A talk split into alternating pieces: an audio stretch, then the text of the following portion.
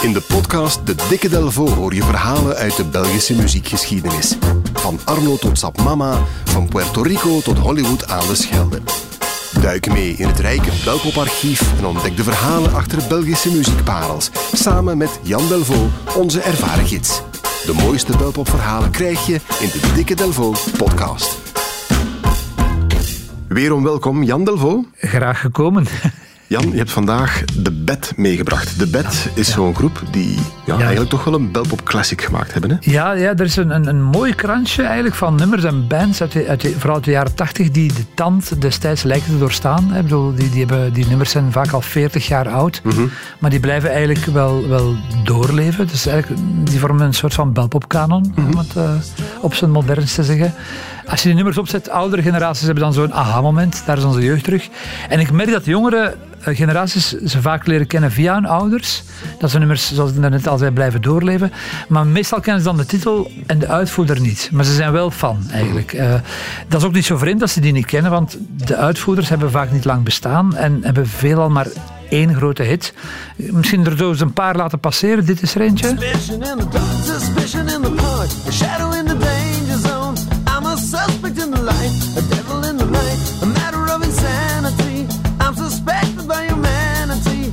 a stranger in the crowd. Ja, als je het zo meteen aan elkaar speelt, het, het heeft wel iets van elkaar ook. Hè? Het is echt zo'n ja, ja, ja, ja, klank, klank Suspicion ja, van Toy. Van Toy, ook deels bekend omdat Tom Barman het ooit heeft gebruikt in een, in een film.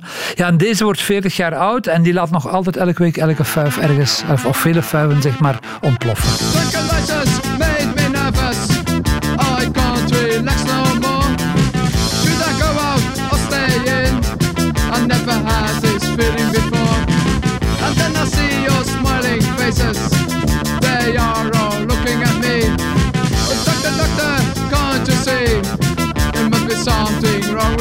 Ik heb een stille droom om met Red Zebra eens een huiskamerconcert te doen. Ja. Omwille van dit nummer, I Can't Live in the Living Room. En moet er achteraf nog iets uh, gebeuren met die huiskamer? Nee, mensen daar nog kunnen verder mag leven? kapot. Ja. ja, dat zou wel inderdaad zeer mooi en zeer, zeer passend zijn. Nu, dit nummer is een tijdsgenoot, ook een van die dinosauriërs. En dat, ja, dat hoort ook bij die, die evergreens eigenlijk. Ja, dit is waar we het vandaag over hebben. Hè. Dr. Liar, talk with desire.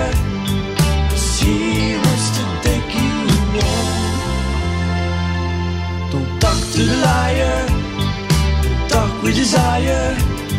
Or did you come for your fall? Ja, voor de nummers die we nu allemaal gehoord hebben, is het woord herkenbaar, Ja. meteen herkenbaar zelfs, uh, uitgevonden, denk ik. Ja, die staan allemaal in de, in de, de Belpop 100, denk ik ook wel. En het, het, dat zijn ja, van, van die blijvers eigenlijk. Um, de bed was het laatste nummer, Don't Talk to the Liar. De bed was een, een viertal uit de Brusselse Noordrand. Uh, die, werd, die vier werden ontdekt eigenlijk door de, de leden van Toy. Die we daarnet ook gedraaid hadden. Die mensen van Toy hadden een eigen platenfirmaatje. Payola heette dat. Ja. Om hun eigen plaatjes uit te brengen, omdat geen enkele plaatfirma geïnteresseerd was. Op dat label verschijnt ook Don't Talk to the Liar van de Bed. En dat nummer is dan weer geproduceerd door Herwig Duchateau. En dat was de drummer van Scooter die we daarnet hebben gehoord. Dus zo, zo inteelter ging het er eigenlijk in, de, in het begin van de jaren uh, 80 uh, aan toe. Ja, ik dacht aan één pot nat, maar ja, ja, één pot nat is ook een Inteelterig is ja, ook goed, voilà. ja. ja. Nu, uh, de Bed werd omschreven als uh, straffe muzikanten, good looks. Ze zagen er heel goed uit, een goede manager. En vooral singer-songwriter uh, Mark van Hie. Mark van Hie is inderdaad iemand die weet wat schrijven is. En die daarvoor in die tijd zo'n beetje een Amerikaanse leest gebruikte. De, dit klonk zeer, zeer West Coast, allemaal wat de bed maakte. Me mooi, mooie arrangementen er rond. Uh, zijn compaan is gitarist Rick Aerts, met wie hij aan het einde van de jaren 70 in de groep Frenzy zit. Um, en na het succes van, van Don't Talk to the Liar, want dat was hun eerste single, die deed het zeer goed op, op de radio, wordt de groep opgepikt door een grote uh, platenfirma, door EMI. Ze mogen in Engeland gaan opnemen met uh, de geluidsman, de geluidstechnieker van 10cc en Barclay James Harvest. Dus het mocht wat geld kosten. -huh. En het bracht ook wel wat op, want van de debuutplaat Facing Fate worden meer dan 10.000 stuks verkocht, wat toen voor een popgroep ja, immens, niet immens, slecht, ja. ja, immens veel was. Ja, en die nummers waren zeer radiogevoelig. we spreken nu wel nog in de tijden voor Studio Brussel. Dus dat was alleen, alleen op Radio 2 dat je popmuziek kon horen. En daar deed hij het heel goed. Die waren, die waren niet te stout en die pasten heel goed. En die waren ook zeer, zeer uh, goed gemaakt. Dit is een van die, van die kleine hits van uh, de band.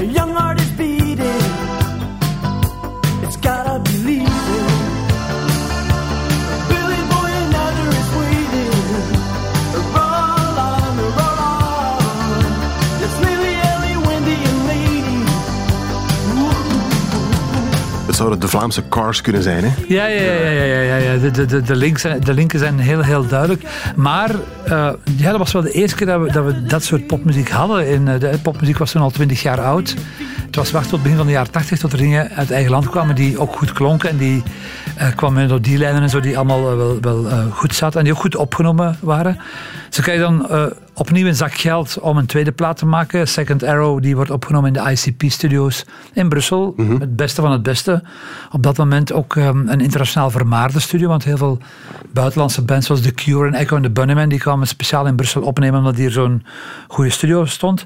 Ja, en dan loopt het nog even door, maar dan stokt het verhaal. En het is eigenlijk een teken destijds, dat zo rond 384 had je, ja, we stopten het voor al die, uh, die eerste generatie van belpopgroepen, de Scaps, die Semitic, die kwamen allemaal eigenlijk in in, ademnood.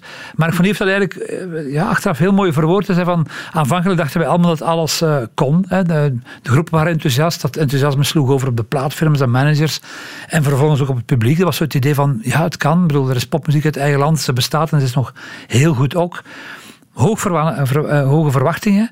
Maar niemand uh, die besefte eigenlijk hoe, hoe België zich verhield tot internationale maatstaven. Je kon hier niet weg. En het land was eigenlijk te klein om van popmuziek uh, te leven. Er was ook een beetje het geloof van wij gaan eens kunnen concurreren hè, met, uh, met die buitenlanders. Maar dat blijkt van niet. Hè. Achteraf zei hij ook van Mark van, van hoe hebben we dat ooit in ons hoofd kunnen halen dat we daarmee zou, dat wij een grote hit zouden scoren in, in de buitenlanden. Iets wat vandaag totaal veranderd is eigenlijk. Wat je ook merkt in het voetbal, in de sport. Ik bedoel, vroeger een Belgisch voetballer in het buitenland onbestaand of toch heel minimaal, maar nu dus wel. Ja, en dan komt die ontnuchtering en, en die ontnuchtering eh, was zeer groot en ja, was ook een beetje ingegeven door lijstbehoud. Hè. Je, moest, je moest werk vinden. Er waren allemaal mensen die afgestudeerd waren. Iedereen had een diploma en ging dan maar werken en van die popmuziek kon je niet leven. En in 1984, een jaar of vier dus na, die, na het eerste album, na die eerste single, uh, stopte het. Zoals al de groepen uit die tijd komen ze nog wel eens terug, maar het wordt nooit meer uh, hetzelfde eigenlijk. Dat er talent in de groep zat, is eigenlijk achteraf ontegensprekelijk gebleken. Vooral Mark van Hie, dat, dat zei ik in het begin al, was het grote talent. Die is vandaag een vrij belangrijke uh, songwriter. Heeft nummers gemaakt voor Barbara Dijks, Dana Winner, uh, Combil Fopal, Michiels. En ook twee heel bekende nummers van Clouseau heeft hij meegeschreven. En Dans. En het zit van binnen. Van binnen ja. heeft hij ook meegemaakt. Dus dat leven van de muziek gaat nu iets makkelijker dan Ja, ja, ja, ja, ja, ja, ja, maar, maar wel, maar wel als Mark van Hier, niet mijn hele groep. Hè. Als je daar met vier of vijf en een entourage moet van leven, dat is heel, heel moeilijk. En de andere leden van de groep? Ja, ook wel mooi. Rick Aarts uh, was een van de kenmerkende gitaristen van de jaren 80 uh, en 90. Heeft bij Raymond heel lang gespeeld. De straffe mannen van Raymond, de Vlaamse Mustafas. Is ook de horen op platen van Jeff van Uitsel en Clouseau. En dan Gert Keppers, de eerste bassist, vind ik ook wel een heel mooi verhaal. Die doet dan in 1988, dus vier jaar na de split van de hij mee aan Humo's Rock Rally. Mm -hmm. Samen met twee maten van hem die je goed kende. En die heten Raf en Mich Walschaert. Ah, zo, ja. En samen vormden ze, vormden ze de groep El Rio. Ze hebben de finale gehad van de Rock Rally toen. Uh, en in het juryrapport stond dat die twee uh, Walschaert zat die wel opvielen met hun Bee Gees stemmetjes eigenlijk. Ja, ja. Voilà, dus hij stelde een beetje mee. Uh, toen was Comedy Foil wel bezig, dus hij stelde een beetje mee aan de wieg daarvan. Um, en vandaag is hij bezig, uh, beroepshalve, met, uh, met interieurinrichting en schildert hij in zijn vrije tijd. Nog een mooie anekdote in dat, over die Gert Keppes. In de begindagen van Case Choice, hè, de familie Bettens, mm -hmm. was er enige verwarring omdat de mensen de namen Gert Bettens van Case Choice en Gert Keppens verwarden. Dus men dacht toen, toen Case Choice begon, dat Gert Kuipens, de bassist van de bed, dat hij bij Case Choice was. Uh, ja. de Choice destijds nog. Ja, dat hij daar dus was ja. aanbeland, dat dat eigenlijk zijn nieuwe uh, groep was. Ja. Gert Bettens heeft daar heel hard van afgezien. Nee, niet natuurlijk, maar hij zei van mensen heel vaak aan hem vroegen, heb jij vroeger niet bij de bed gespeeld? Ja, ja. niet, dus. niet, dus. Bij uh, de band die dit nummer hier zingt, Don't Talk to the Liar van The Bed. Jan, bedankt. Graag gedaan.